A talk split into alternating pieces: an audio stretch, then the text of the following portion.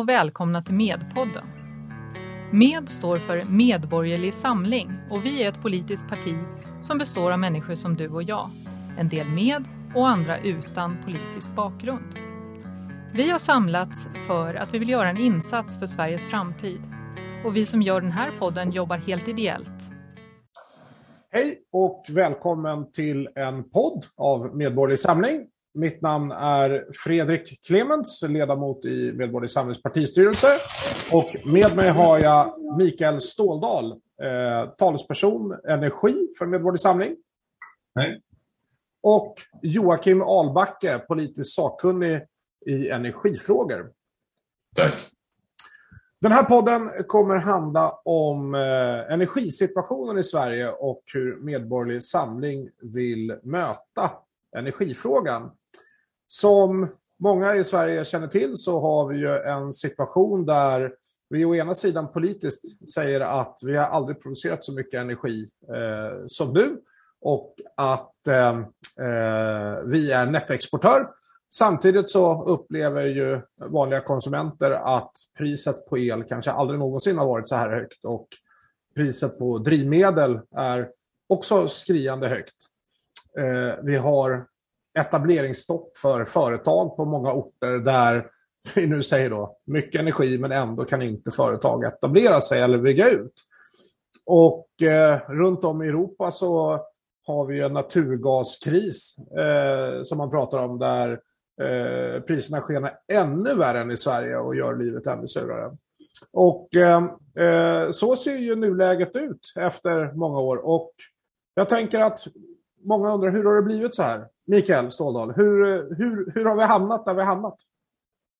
Ja, det är en bra fråga. Eh, jag tror man får gå tillbaka lite i historien då. Och då är det viktigt att veta att Sverige förde under större delen av 1900-talet en mycket rationell och framsynt energipolitik. Först byggde man ut vattenkraften, sen efter andra världskriget byggde man ut kärnkraft.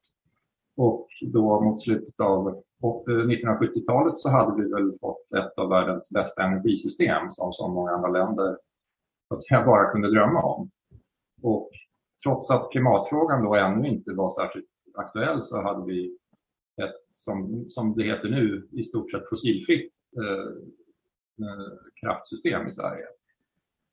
Eh, men sen hände någonting. Eh, och ironiskt nog, precis när man började uppmärksamma klimatfrågan och kom fram till att det var viktigt att eh, bli fossilfri så, så, så, började man istället avveckla den fossilfria kärnkraften i Sverige. Och, och, och kom fram till att man istället skulle bygga ut eh, vind, framförallt vindkraft. Eh, fastän det inte spelar någon roll i klimathänseende.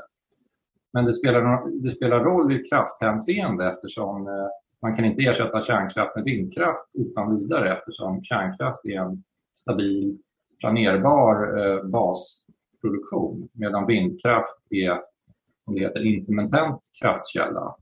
Den levererar bara el när det blåser lagom mycket och det, det kan man inte styra över och man, det är också svårt att förutsäga.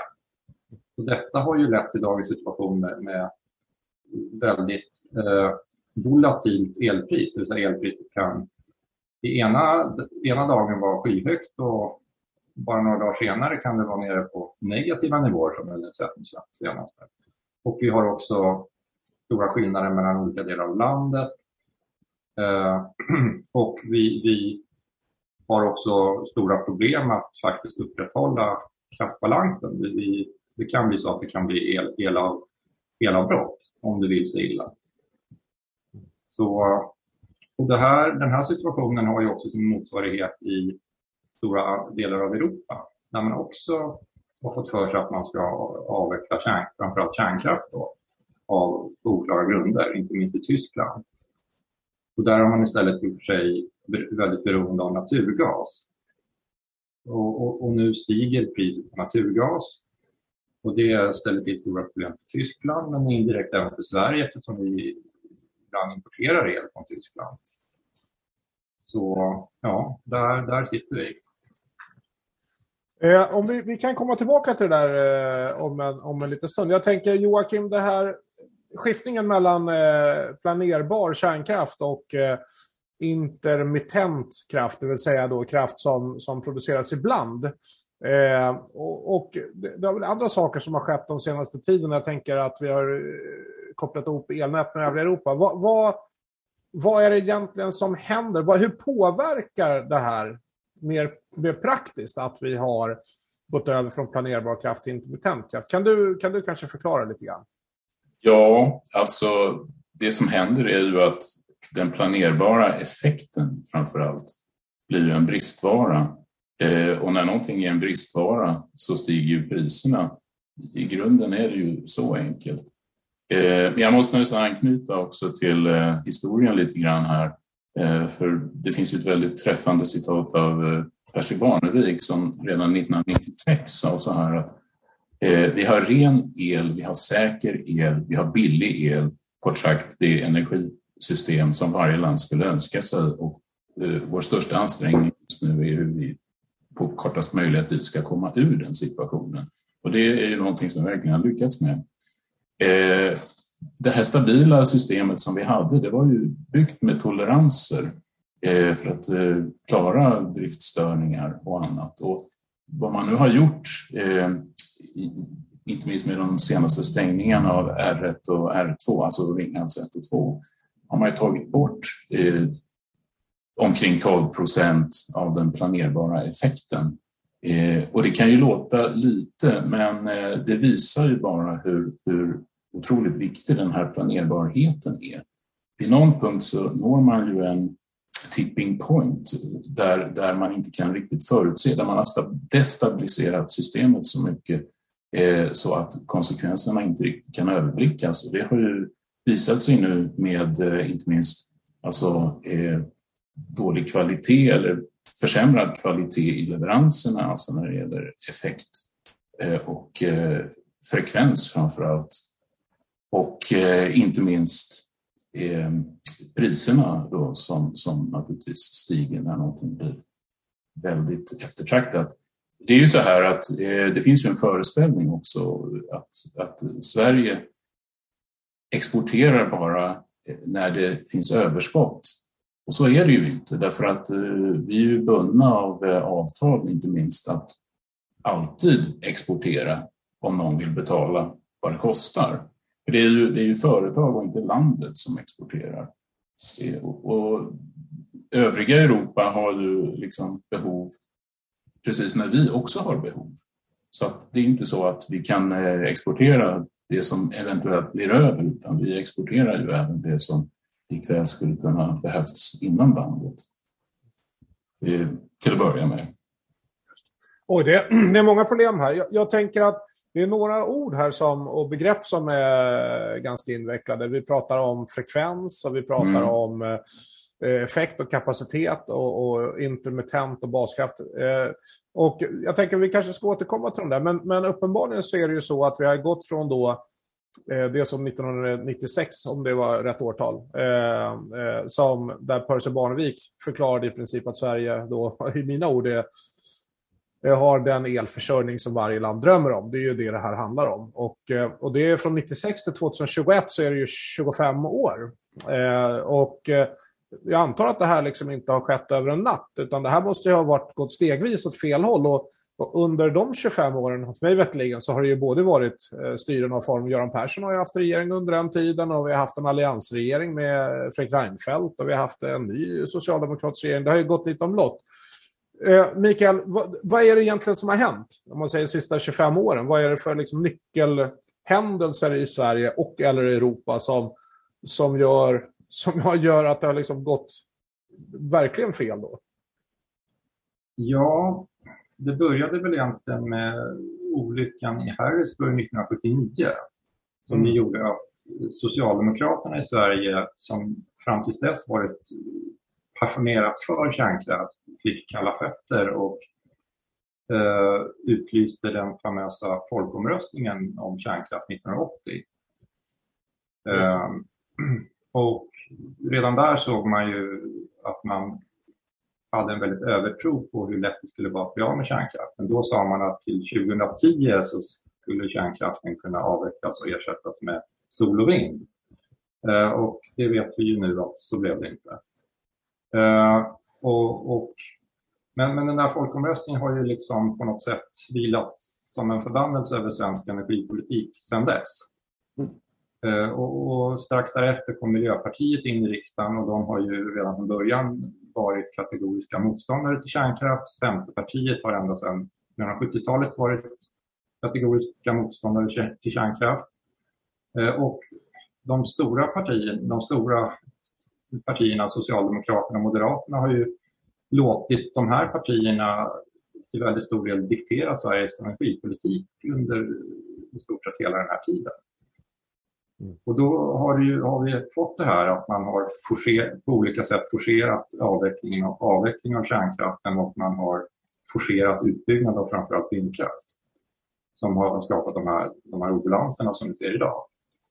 Eh, sen ska man väl också komma ihåg att Sveriges behov av el har ju också ökat på grund av vår tillväxt och vår, minst vår befolkningstillväxt de senaste åren. Så, så även om man inte hade avvecklat någon kärnkraft så, så skulle vi säkert haft vissa problem idag eftersom ja, man måste bygga ut kapaciteten i takt med konsumtionen. Men om man dessutom avvecklar kapacitet då blir det ännu större problem och obalanser.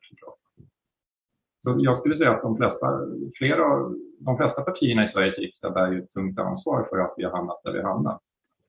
Eh, och framförallt de så att säga statsbärande partierna, Socialdemokraterna och Moderaterna har ju låtit energipolitiken dikteras av mycket mindre partier med en, i denna, åtminstone i denna fråga, ganska extrem hållning. Ja, just det. Och det kan man ju eh, påminna om att eh, eh, man har ju haft eh, någonting som heter energiöverenskommelsen som varit gällande fram till 2019. Du kanske bara vill snabbt beröra vad, vad den här energiöverenskommelsen handlar om, så att säga. För där har ju både moderater och socialdemokrater ingått. Ja, energiöverenskommelsen som slöts 2016 mellan Socialdemokraterna och Miljöpartiet, Moderaterna, Kristdemokraterna och Centerpartiet eh, stipulerade ju att Sverige Eh, eh, ska ha ett fossil, eh, fossilfritt eh, elsystem, eller ett fossilfritt elsystem till 2040. Men den skrev ju också mellan raderna att kärnkraft var liksom inte riktigt önskvärt på ett försåtligt sätt. Eftersom man, man ja, precis. Det, just det, det, det, står ju, det finns inget slutdatum för kärnkraften men samtidigt anses den inte vara hållbar. Nej, precis. Den anses inte liksom hållbar och därmed inte önskvärd på, på lite längre sikt. Och det har, har ju, det har ju då, då, regeringen tolkat som att man ska försvåra för kärnkraften och avveckla kärnkraften, vilket ju också har skett. Nu har vi bara hälften av, nu har vi bara sex reaktorer kvar av de ursprungliga tolv. Just det. Jag tänker, det är lite intressant för att om man tittar på, på den data Eh, som finns globalt så kan man ju säga att det finns en, en mycket stark koppling mellan välstånd och energikonsumtion. Eh, mm. där, där, finns ju en linje och den, den är, innebär ju någonstans att om, du vill bygga ett välstånd så krävs det, det krävs energi. Det, så, så är det ju bara. Va? Och, eh, och i Sverige då, där man pratar om till exempel då sysselsättningsproblem och så vidare, då blir det väl lite extra ironiskt när vi sätter krokben för de arbetsgivare som skulle kunna anställa folk genom att säga att ni får inte expandera. Det har ju varit ett, ett flertal sådana fall, till exempel Pågens har ju haft skäl att bygga ut sitt bageri, men, men kan inte för att man får inte tilldelad effekt. Så att säga. Men jag tänker, eh, eh Joakim, några av de här begreppen, för att det är, energi är ju invecklat. Ja. Och nu har vi pratat om, om frekvens och vi har pratat om intermittent och baskraft och så vidare. Och det finns ju i, så som Sverige ser ut i varje fall, eller så som det ser ut generellt, så finns det ju lite olika energislag. Vi har kärnkraft, vattenkraft, vindkraft, solkraft, värmekraft och så vidare. De här olika kraftslagen, vad är egentligen baskraft och vad är intermittent kraft och vad är reglerkraft? Ja, Hur hänger de ihop? Precis. Eh, och, och, baskraft är ju sån eh, som man kan ha en... Man kan förutsäga hur mycket man kan ta ut, hur mycket det kommer att finnas. Och det är ju kärnkraft och vattenkraft. Därför att den fungerar ju Eh, när man vill att den ska fungera. Förutsatt förstås att vattenkraften har tillräckligt med vatten i dammarna. Men, men det är ju normalt så, även om det ibland kan nå kritiska nivåer.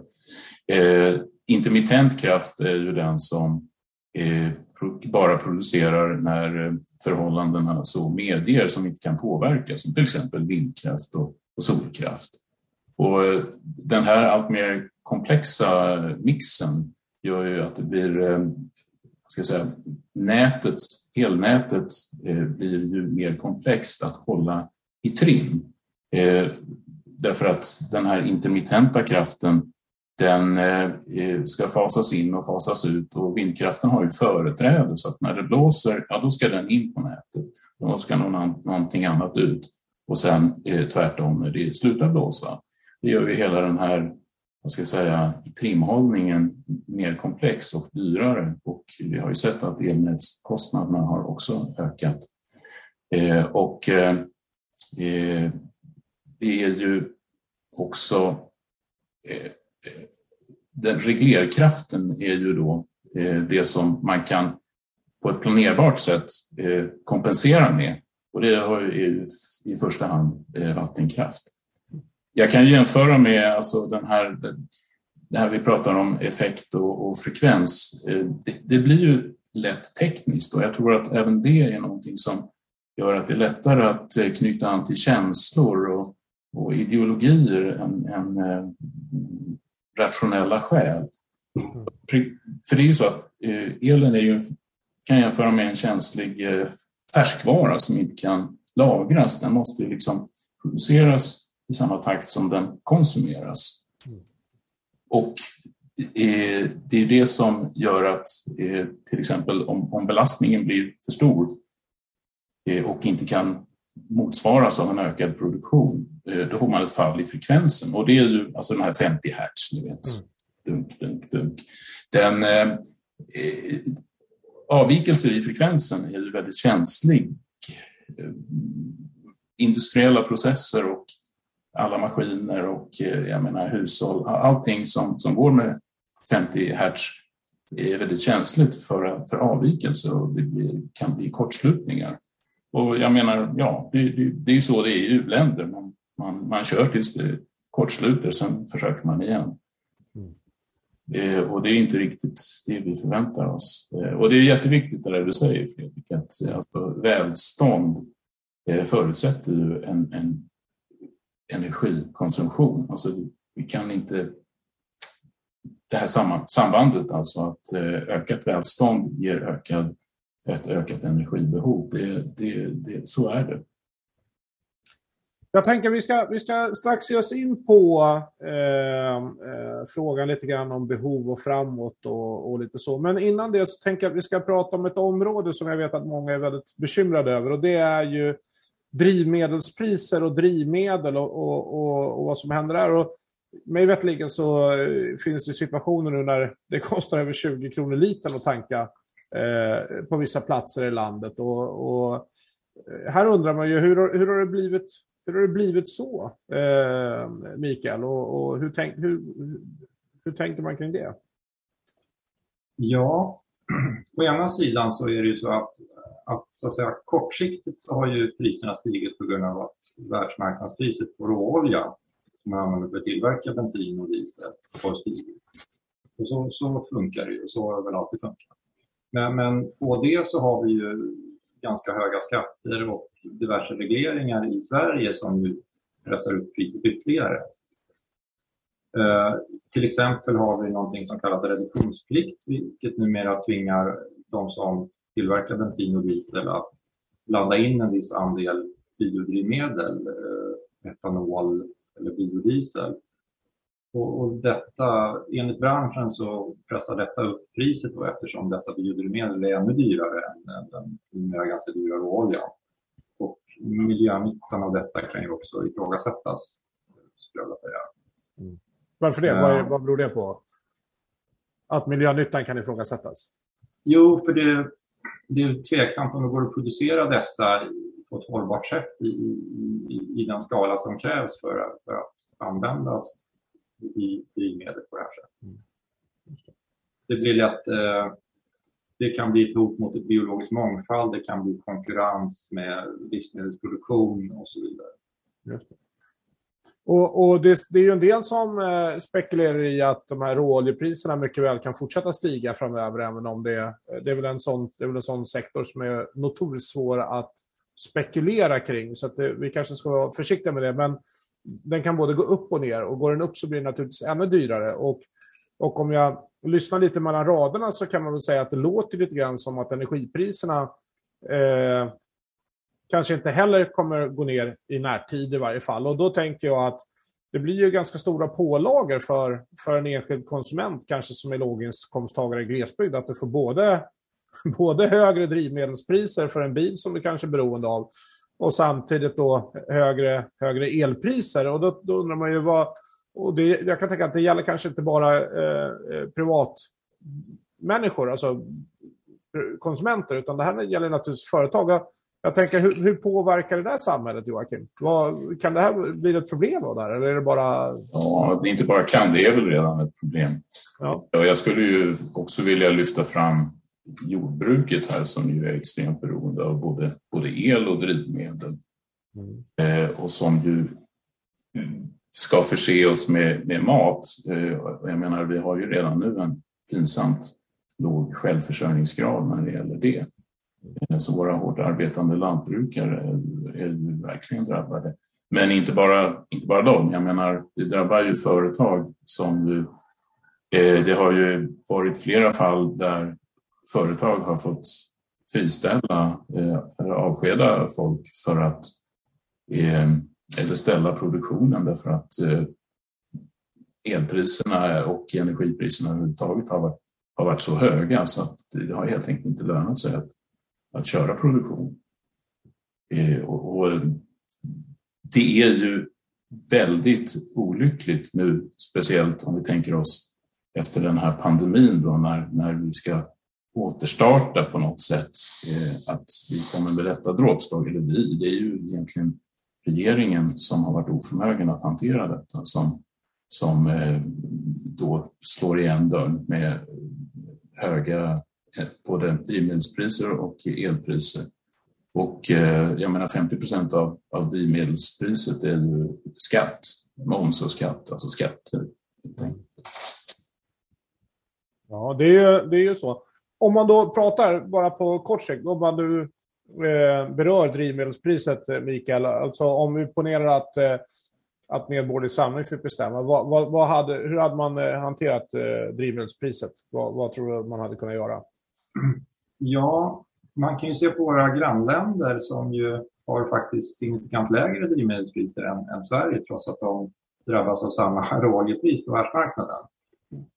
Och man har också sett att gränshandel, de som bor nära gränsen till Danmark, Norge och Finland tenderar att åka över och tanka eftersom det är billigare där. Så vad man borde göra är ju att se till att man se över reduktionsplikten, ta bort moms på energiskatten och kanske också sänka skatten något så att priserna i Sverige hamnar på samma nivå som i våra grannländer. Det, det vore ju rimligt. Mm. Eh, sen kommer ju priserna naturligtvis framöver också variera i takt med världsmarknadspriset och det, så måste det vara. Det kan vi inte göra så mycket åt. Men det kan ju variera på en lite lägre nivå än vad det gör idag. Jag tänker också att eh, om vi ska vara pragmatiska här, så tillfälliga lättnader skulle ju också kunna vara att under kommande vinter helt enkelt eh, slopa elskatten.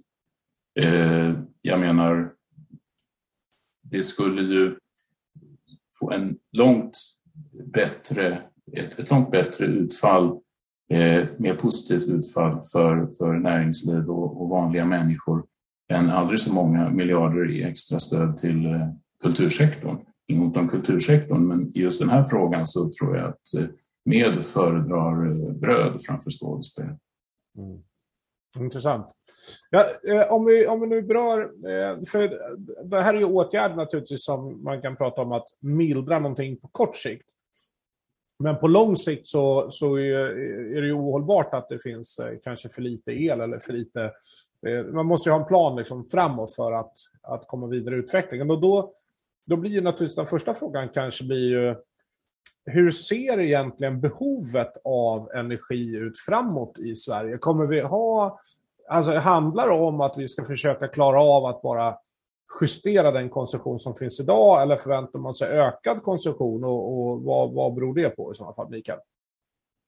Ja, efter, vi har, Sverige har ju höga ambitioner på klimatområdet. Vi vill ju drastiskt minska våra eh, utsläpp och vi vill göra oss i princip oberoende av fossila bränslen. Mm. Och det är ju i grunden en god ambition. Men i många fall så innebär ju detta att man ersätter fossila bränslen av olika slag med el. Och detta kommer ju leda till ett kraftigt ökat behov av el under de närmsta decennierna.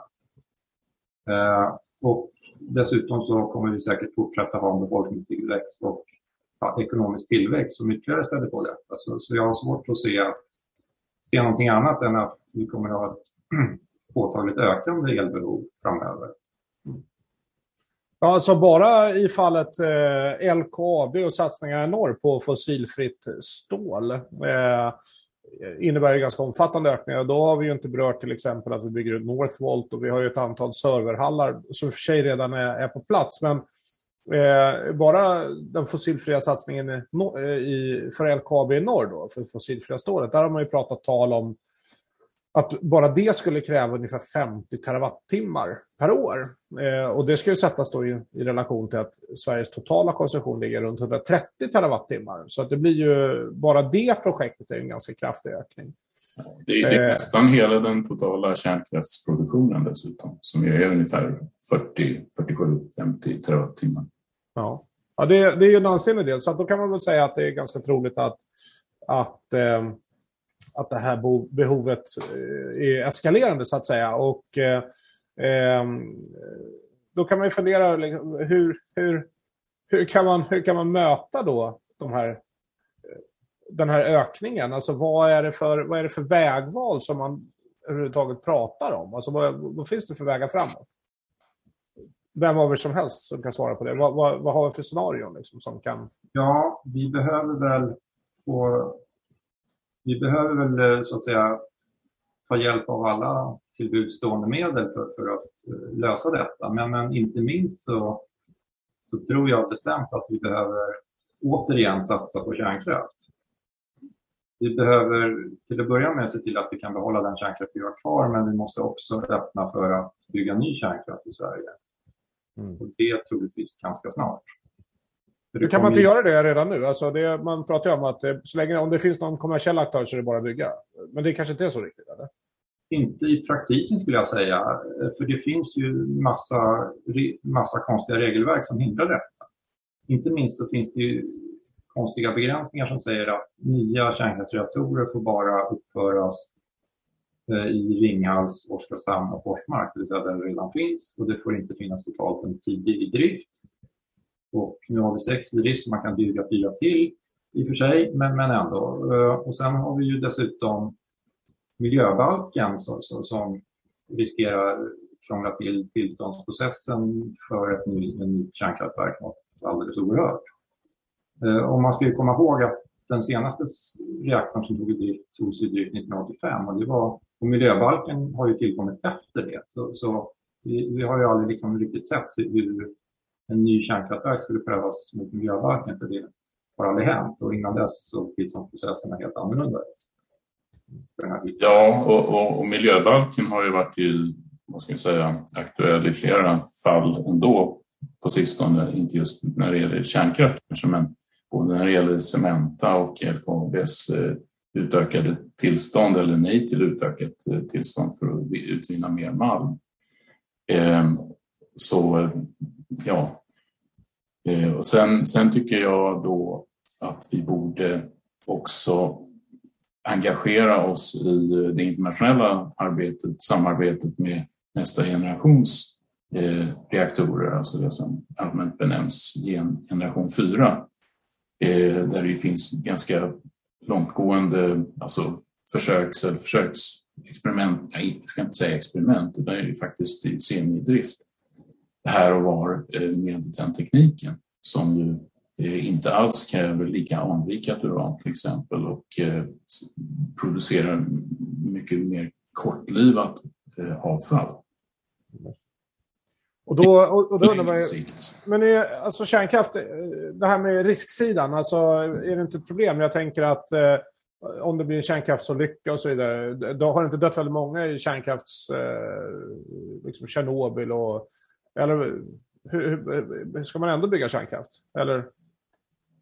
Ja, alltså om man ser på de tre eh, allvarliga olyckor som har varit. Det är ju eh, Harrisburg, där dog ingen, men reaktorn gick sönder och det var dyrt. Eh, sen var det Tjernobyl som ju var allvarlig. Eh, absolut, det var ju en, en, en, katastrof.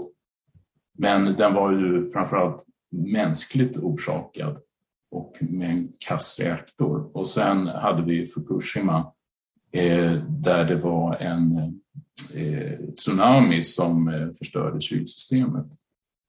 Men eh, alltså, både R1 och R2 till exempel, det har ju föranlett eh, då tvingande skrivningar att ha eh, så höga säkerhetskrav så att även de svenska reaktorerna skulle klara eh, en tsunami, vilket vi aldrig kommer att få. Eh, och det är också kanske ett orimligt högt eh, säkerhetskrav. Det, det dog människor i, i, eh, i Tjernobyl, absolut. Och det ska vi inte förringa. Men det är ju så här att om man tittar på eh, undersökningar eller forskning som visar, vad ska jag säga, ganska kliniskt då, dödsfall per producerad terawattimme så är ju kärnkraft det absolut eh, mest riskfria produktionsslag vi har. Så det blir lite grann en fråga då att om man säger att om man vill ha så lite risk som möjligt och så högt välstånd som möjligt så är kärnkraft den, det produktionssätt som, är, som skalar bäst mot det helt enkelt. Ja, det kan man säga. Men jag vill också gärna inflika att vi är ju inte kärnkraftskramare av ideologiska skäl. Eh, utan eh, vad vi ser är ju att kärnkraften är det enda produktionsslag som på kort sikt kan tillfredsställa eh, det omfattande behovet av planerbar effekt. Jag tänker, det finns ju en med andra... Huvudspåret ändå i nuvarande svensk politik får ändå anses att vi ska bygga eh, vindkraftsparker. Numera till sjöss, om jag inte missminner mig, är väl huvudspåret. Jag tänker Mikael, alltså, varför är det, är det inte ett alternativ? Eh, kan vi inte bara bygga vindkraft till sjöss? Uh, ja, alltså det, problemet med det är ju igen att vindkraft, oavsett vad man bygger den, är ju intermittent kraft. Och man kan inte ha hur stor andel intermittent kraft som helst i systemet. I Sverige kan vi ha ganska mycket tack vare att vi har vattenkraft som är väldigt bra på att reglera. Men, men jag skulle säga att vi redan idag har väl vi i stort sett så mycket vindkraft som, vi, som vårt system kan hantera utan att det blir problem. Och, eller ja, det har redan blivit, börjat bli problem. Så att bygga, fortsätta bygga ut vindkraft ohämmat utan att eh, göra något annat för att kompensera det samtidigt är oansvarigt och det kommer inte bli bra helt enkelt. Men om du då tar andra länder som inte har, jag tänker Tyskland, de har ju inte eh, vattenkraft eh, i någon nämnvärd utsträckning mig veterligen. Så, och de, de bygger mycket vind. Vad, hur, hur, hur gör de då? Funkar det inte där? De använder väl vad jag förstått ganska mycket naturgas för att balansera vindkraften. Och det, rent tekniskt så funkar ju det också. Eh, naturgas är ju ganska flexibelt så tillvida att det är lätt att starta och stoppa snabbt och så. Så det fungerar ju bra. Men, men det är ju inte ett bra, en bra sits att vara beroende av naturgas av flera skäl. Dels är det ju inte fossilfritt, även om det är bättre än, än kolkraft, men det är inte bra. Och vi blir ju import, Sverige, och, eller Sverige skulle bli, eller ja, Tyskland och Europa blir beroende av import från framförallt Ryssland då, och det är ju inte en bra sits att vara i. Och vi ser ju redan idag att priserna eh, stiger kraftigt på naturgas. Man vill så... inte heller så att säga riskera att bli utpressad av, av Putin som, som kan hota med att stänga av gasen om inte gör som han vill. Vilket ju vissa andra länder i Östeuropa redan råkat ut för. Och, och, så att man kan säga att i någon mån så är det så att om man inte har eh, då någon bra reglerkraft som till exempel vattenkraft, då innebär alltså vind, det blir, det blir mer fossilt helt enkelt. Vind fossilt, det är det som, som är ofta är Fossilvind, ja. Ja, fossilvind. Det, det, är jätteintressant det här med EU eh, e då också, EUs ståndpunkt här. Därför att eh, Tyskland då som ju nu har i stort sett avvecklat all sin kärnkraft eh, och Frankrike eh, som vill öka och redan nu har 70 procent eh, kärnkraft har ju diametralt motsatta ståndpunkter här. Och det finns ju ett initiativ då från, tror jag, tio länder om att EU ska klassa kärnkraft som hållbar. Sverige har inte skrivit under och fast EU-kommissionen uppdrag och, uppdrog åt eh, statsministern att framföra att eh, vi vill att eh, kärnkraft alltså, i EU-nämnden röstades det för detta, att kärnkraft skulle vara anses som hållbart. Så kommer inte regeringen att göra det. Och hela den här frågan, den ska, det är alltså kärnkraft och denna naturgas som ska klassificeras som antingen hållbar eller icke hållbar. Och den, den har ju blivit väldigt eh, infekterad nu, eller infekterad ska jag säga, men, men eh, attention har höjts och den kommer nog inte avgöras förrän kanske nästa år, även om det skulle vara tänkt att det skulle avgöras i november. Eh, sen finns det en annan aspekt som jag, som jag kom på och det är ju det här med eh, hur man kan effektivisera, eh, alltså på kort sikt, vägen fram. Och vi har ju då att för det första så måste vi göra allt som, som går eller underlätta för att ha de sex reaktorer vi har, att, att de ska kunna köra så länge det är tekniskt möjligt. Eh, och sen finns det ju en annan bestämmelse som, gör att, som säger att kylvattnet som ju är, också skulle gå att använda eh, som, som att generera antingen elektricitet eller värme, den får inte användas till det, utan den släpps ju bara ut i havet. Eh, och jag skulle säga att det finns inga egentliga tekniska skäl eller säga, riskmässiga skäl till varför man inte skulle kunna använda energin i, i eh, kylvattnet också. Man kan ju tillägga att Sveriges första kommersiella kärnkraftverk i Ågesta söder om Stockholm levererade faktiskt fjärrvärme till, till Stockholmsförorten Farsta i framgångsrik under de tio åren var i drift, från 1964 till 1974. Eh, så det är ju ett beprövat koncept eh, att, låta kärnkraften producera både el och fjärrvärme. Och, eh, så det är ju någonting man bör titta på för framtiden. Det, det kanske inte är möjligt att bygga ut fjärrvärme från de befintliga kärnkraftverken. Men om man ska bygga nya reaktorer så bör man definitivt överväga att göra det. Ja, absolut. Man tänker på de här små modulära då, som, som vi tänker oss också eh, vill underlätta för. Alltså att en slags produktionslinje för en standardiserad form av lite mindre reaktorer, där skulle man ju kunna använda det också. Och då, och då, kan man ju också placera dem närmare städer och så, där, där man har behov av både el och, och fjärrvärme.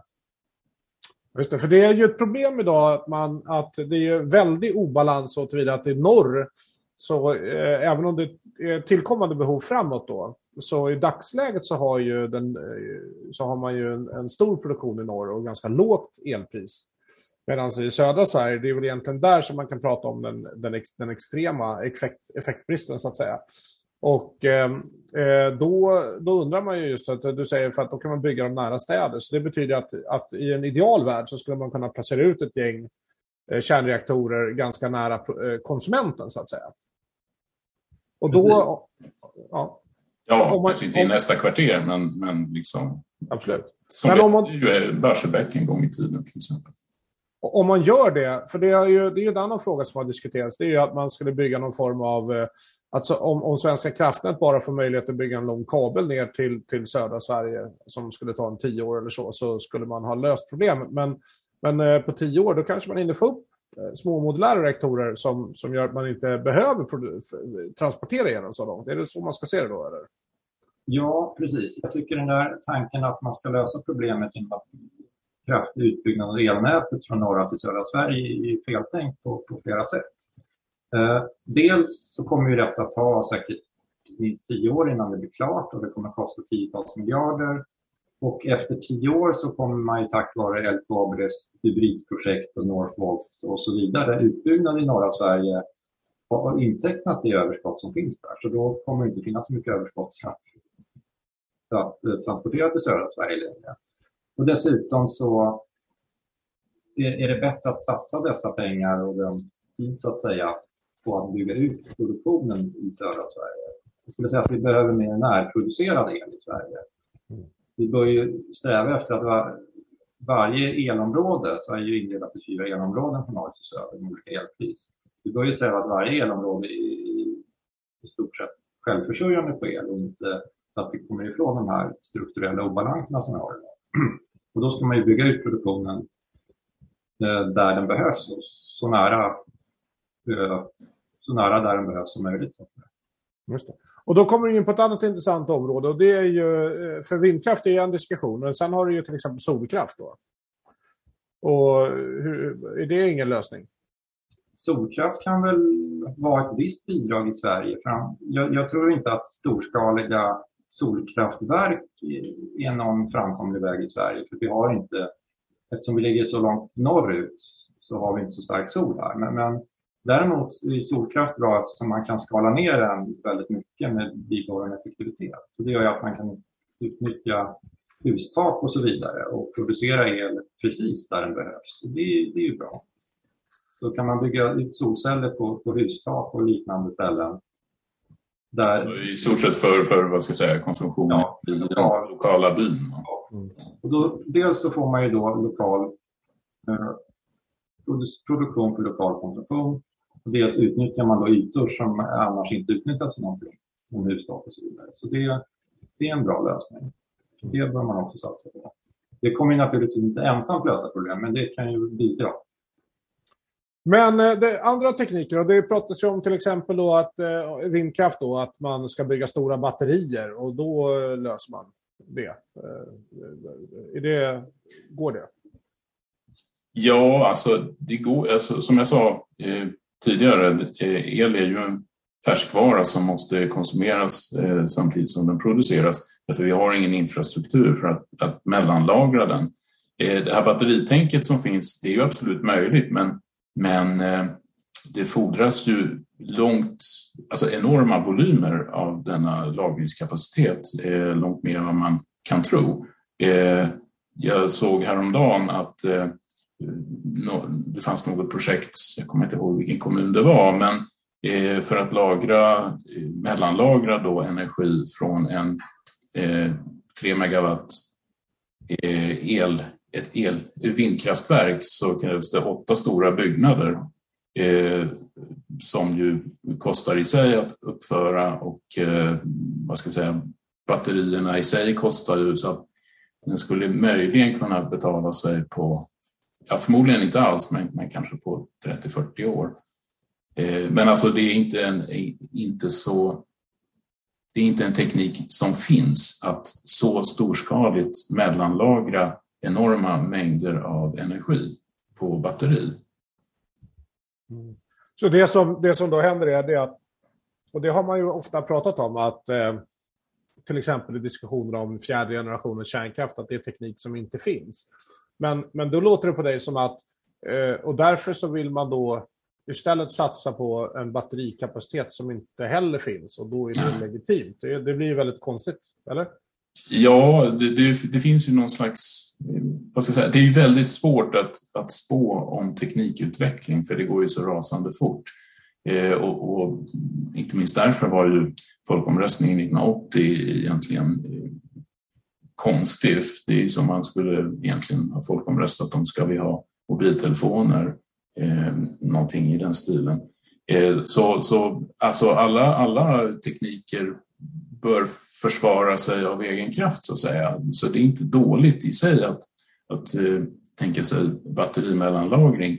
Men vi måste ju ha flera spår öppna, som till exempel nästa generations kärnkraft. Därför att bägge de lösningarna, att, att få upp detta till ett fungerande, en fungerande helhet, det, det ligger ju många, det ligger ju decennier framåt kanske, åtminstone 10 år, möjligen 20.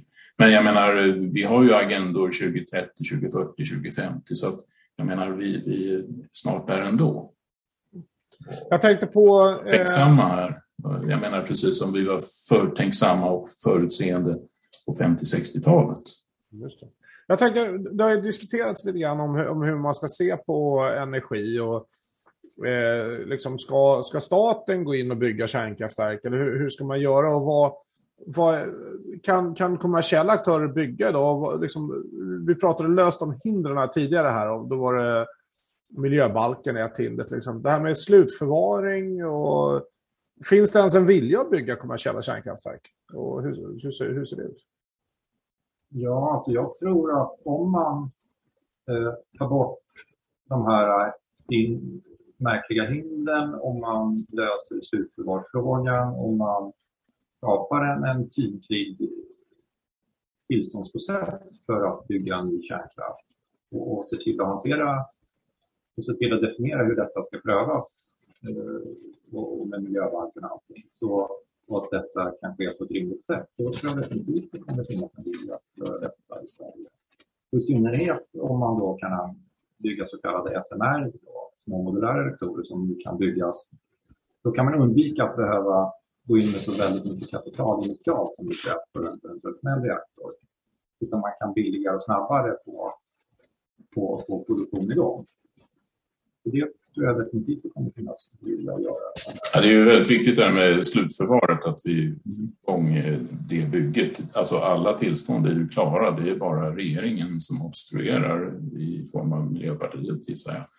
Eh, som, som inte vill liksom blåsa igång själva bygget. Det finns pengar eh, från kärnavfallsfonden och det, det, finns en plats utsedd och eh, kommunerna har sagt ja och alla instanser och strålsäkerhetsmyndigheterna har sagt ja också. Men kan det vara så då att eh, det finns inga slutförvar i andra länder? Alltså är det här någonting som är unikt för Sverige eller, alltså, eh, som, som stoppar eller har andra länder slutförvar eller hur funkar det? Ja, Finland har ju ett slutförvar som är, ser ut ungefär som det, det föreslagna svenska. Eh, det funkar och...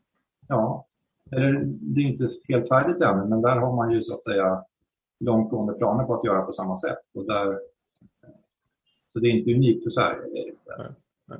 Eh, sen ligger väl i Sverige ganska långt fram internationellt sett, men, men det är inte bara vi som mm. gör på det här sättet och, har det på gång. Ja, jag, jag, tänkte också på det här med kostnaderna för kärnkraft som ju framhålls som väldigt höga då, men den, den största kostnaden är ju kapitalkostnaden där, därför att den blir så hög eh, i och med att de här tillståndsprocesserna är så långa. Alltså det, det kan ju vara fem, sju, åtta år eh, och, och, och, då måste man ha fått i, i, i ordning sitt kapital men, men sen kostar ju det hela tiden. Så att, eh, med snabb, att snabbare komma till ett tillstånd skulle ju sänka kostnaderna väldigt mycket. Så om man, om, om man ponerar de här SMR-reaktorerna då, som, som jag förstått att det är, då, då tar man ju fram, det är ju lite mer serieproduktionstänk över det helt enkelt. Så då skulle man kunna tänka sig att man ger ett typgodkännande för en sån reaktor för att det finns i tre andra länder till exempel. Och då skulle man i princip kunna krympa tillståndsgivningsprocessen till kanske bara två, tre år kanske. Ja, just det. Så har vi ju här i Kanada. Där har vi ju Candu-reaktorerna. Mm. Som både finns eh, här i, inom landet och har gått på export. Eh, Mikael, Vattenfall, eh, hur ställer de sig till kärnkraft? Håller inte de på med något kärnkraftsprojekt nu? Något nytt? Ja, ironiskt nog så är Vattenfall inblandat i ett projekt att bygga just modulära reaktorer utomlands. Men, men de gör ju inte det i Sverige. Just det. Så, så Vattenfall har ju en ganska ambivalent roll i det här. Så att säga. De gör på ett sätt i Sverige och på ett annat sätt utomlands. Mm. Det, det, är ju inte första gången de har ett ambivalent förhållningssätt kan man säga. Nej, precis. De har ju också varit involverade i, i kolkraft och annat som de aldrig skulle göra i Sverige utomlands. Så, ja. ja, det är märkligt. Ett ambivalent företag på många sätt. Ja. Jag tänker, det, det, är lite intressant då, för att ni säger att eh, Miljöpartiet blockerar då till exempel slutförvaring och sådär. Men, men samtidigt, Miljöpartiet har ju Eh, bara några få procent. Och, och, och vi har ju sagt innan här att, om, att det finns en koppling mellan välstånd och energi. Eh, och att, att de att intermittent kraft, då, det vill säga vind till exempel, det kommer ju inte lösa vårt effektproblem. Utan det, det kommer ju snarare spä på effektproblemet än, än att lösa det. Och då tänker jag att eh, eh, Eh, eftersom det då får andra biverkningar, dels då att det blir ju kolossalt dyrt, så det hämmar ju konsumtion och dessutom blir det problem med arbetslöshet när företag inte kan etablera sig. Det blir ju en fråga som blir väldigt mycket större än att vi ska bara ha lite energi så att säga. Är det inte, liksom, är det inte konstigt att de övriga 96 procenten i Sverige tycker att den här frågan inte är tillräckligt viktig eh, för att bara se till att lösa helt enkelt? För det, uppenbarligen så, som ni säger, 25 år har det pågått. Man har varit med senast i energiöverenskommelsen fram till 2019 och, och det har väl ändå funnits gott om folk som har varnat om var vi är på väg någonstans. Och ändå då nu 2021 så finns det ju inget beslut om slutförvaring. Varken, och, och det drivs ju inte igenom, för jag tänker det borde vara en trivial sak för till exempel S, M och SD att helt enkelt bara lösa det här. Det, det, det finns ju ingen, det finns inget problem om man inte då ser att energifrågan, att man inte tycker att det här välståndet är tillräckligt viktigt. Jag, jag, eller hur ska, man, hur ska man tänka? Ja, det är en mycket bra fråga. Det är lite svårt att förstå hur de tänker där. Men, men jag kan ju bara konstatera att de, de stora och eh, partierna som väl borde vara statsbärande så att säga har, har ju gett små partier med, med extrema åsikter ett oproportionerligt inflytande över svensk politik. Och inte bara på energiområdet, men, men skulle jag, kan man ju säga. Och det är ett stort problem skulle jag säga. Och det, det måste vi komma till rätta med, så kan vi inte ha det. Ja, och, och som du tidigare sa så, så är ju det här en, en ganska teknisk fråga. Och eh, de flesta har ju, skulle jag säga, bara förlitat sig på att ja, det går att ta bort en, en, en pinne i taget så här. Det, går nog, det löser sig nog, det håller nog. Och det är ju först nu vi har verkligen sett att, att eh, det inte gör det. Det vill säga, många har sett det komma, men de som har haft att besluta om det har inte velat se det komma. Så det, det jag kan inte, ska jag säga, jag kan inte förstå det och det är en skandal helt enkelt. Mm. mm. Så, hur, så om, man, om man summerar lite grann här, för det där är ju eh, det är, det är märkligt. Det är mycket märkligt är det faktiskt, från där jag sitter och, och, och ser hur man kan låta bli att fatta självklara beslut egentligen. Då. Eh, men, men det ni säger är ju att, att vägen ur det här, eh, det är ju att på väldigt, väldigt kort sikt, då handlar det om någon typ av eh, ganska drastiska åtgärder, om man nu så vill säga, för att liksom få för att det inte ska bli avtryck i ekonomin. Alltså till exempel då eh, ta bort eh, extra, alltså skatt på skatt när det gäller drivmedel. Eh, är en sån som, har, som, ni, som nämndes. Och, och, kanske i varje fall se över effekt, eller liksom effektskatt eller energiskatter generellt den här vintern. Eh, eh, men det löser ju inte produktionsfrågan så att säga. Men sen då så låter det som att många av de vägar som har föreslagits, då, vind, eh, leder till nya problem, sol, bra, men kan inte ge de volymer som vi är ute efter.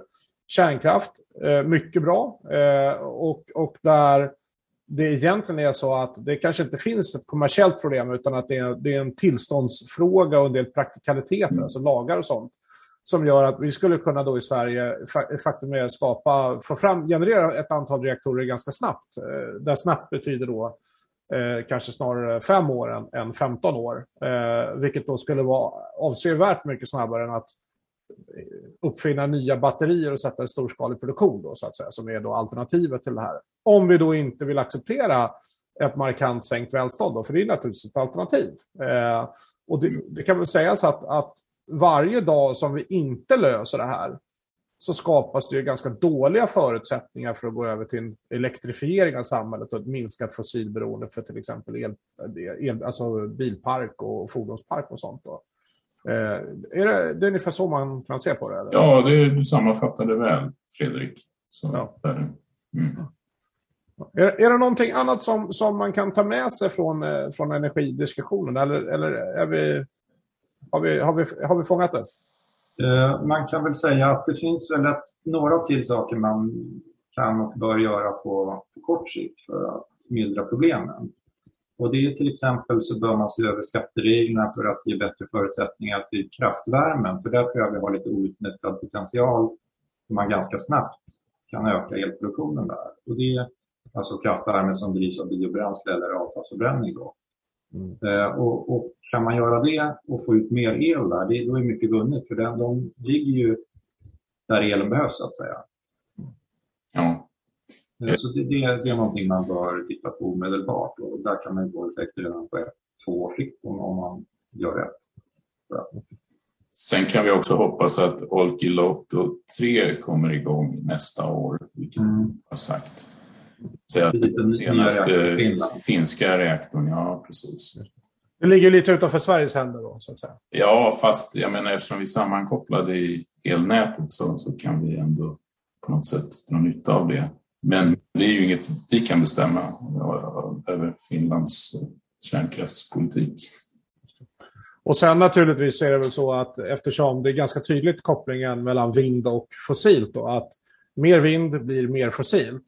Eh, att Sverige då kanske inom ramen för, eh, som, som då EU, driver på för att man ska klassificera då, eh, kärnkraft som, som hållbart så att säga. Eller, så att det, inte det är mycket, ja, precis. Det, det, är också en mycket viktig väg. Att, att, alltså, så länge vi är kvar i EU så, så bör vi verkligen fokusera på eh, energifrågan där, eller på många frågor, men, men och, fram, och då gå på de här tio ländernas initiativ att eh, klassa kärnkraft som hållbar.